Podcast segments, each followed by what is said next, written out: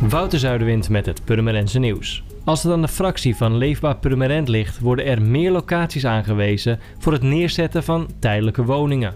De gemeente Purmerend heeft al plannen om op verschillende plekken 200 tijdelijke woningen te plaatsen. Wat Leefbaar Purmerend betreft is dat niet genoeg en zouden er ook op andere plekken in de stad noodwoningen moeten komen. Raadslid Arie Wim Boer schrijft dat in een brief met vragen aan het college. Volgens Boer bestaat er namelijk nog ruimte in de afspraak die de gemeente met de leverancier heeft gemaakt. Het college erkent dat er nog contractruimte bestaat voor het toevoegen van tijdelijke woningen. Maar de vraag is of locaties daadwerkelijk gevonden kunnen worden. Vooralsnog lijken alle mogelijkheden onderzocht. In een woning aan de Johan Wagenaarstraat in de wijk Weermolen is gisteravond brand ontstaan. Het vuur werd rond half zeven ontdekt. De brand woedde in de keuken. Een bewoonster is door het ambulancepersoneel nagekeken op het inademen van rook, maar hoefde niet mee naar het ziekenhuis.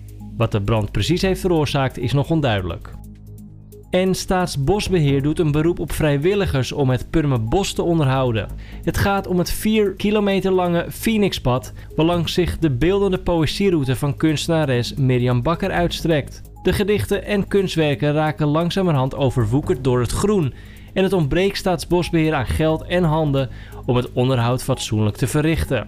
Wethouder Eveline Tijmstra nam gisteren een kijkje in het Purmerbos om met eigen ogen te constateren dat het aanpakken van het Phoenixpad ook echt nodig is. Belangstellenden kunnen kijken op staatsbosbeheer.nl voor meer informatie.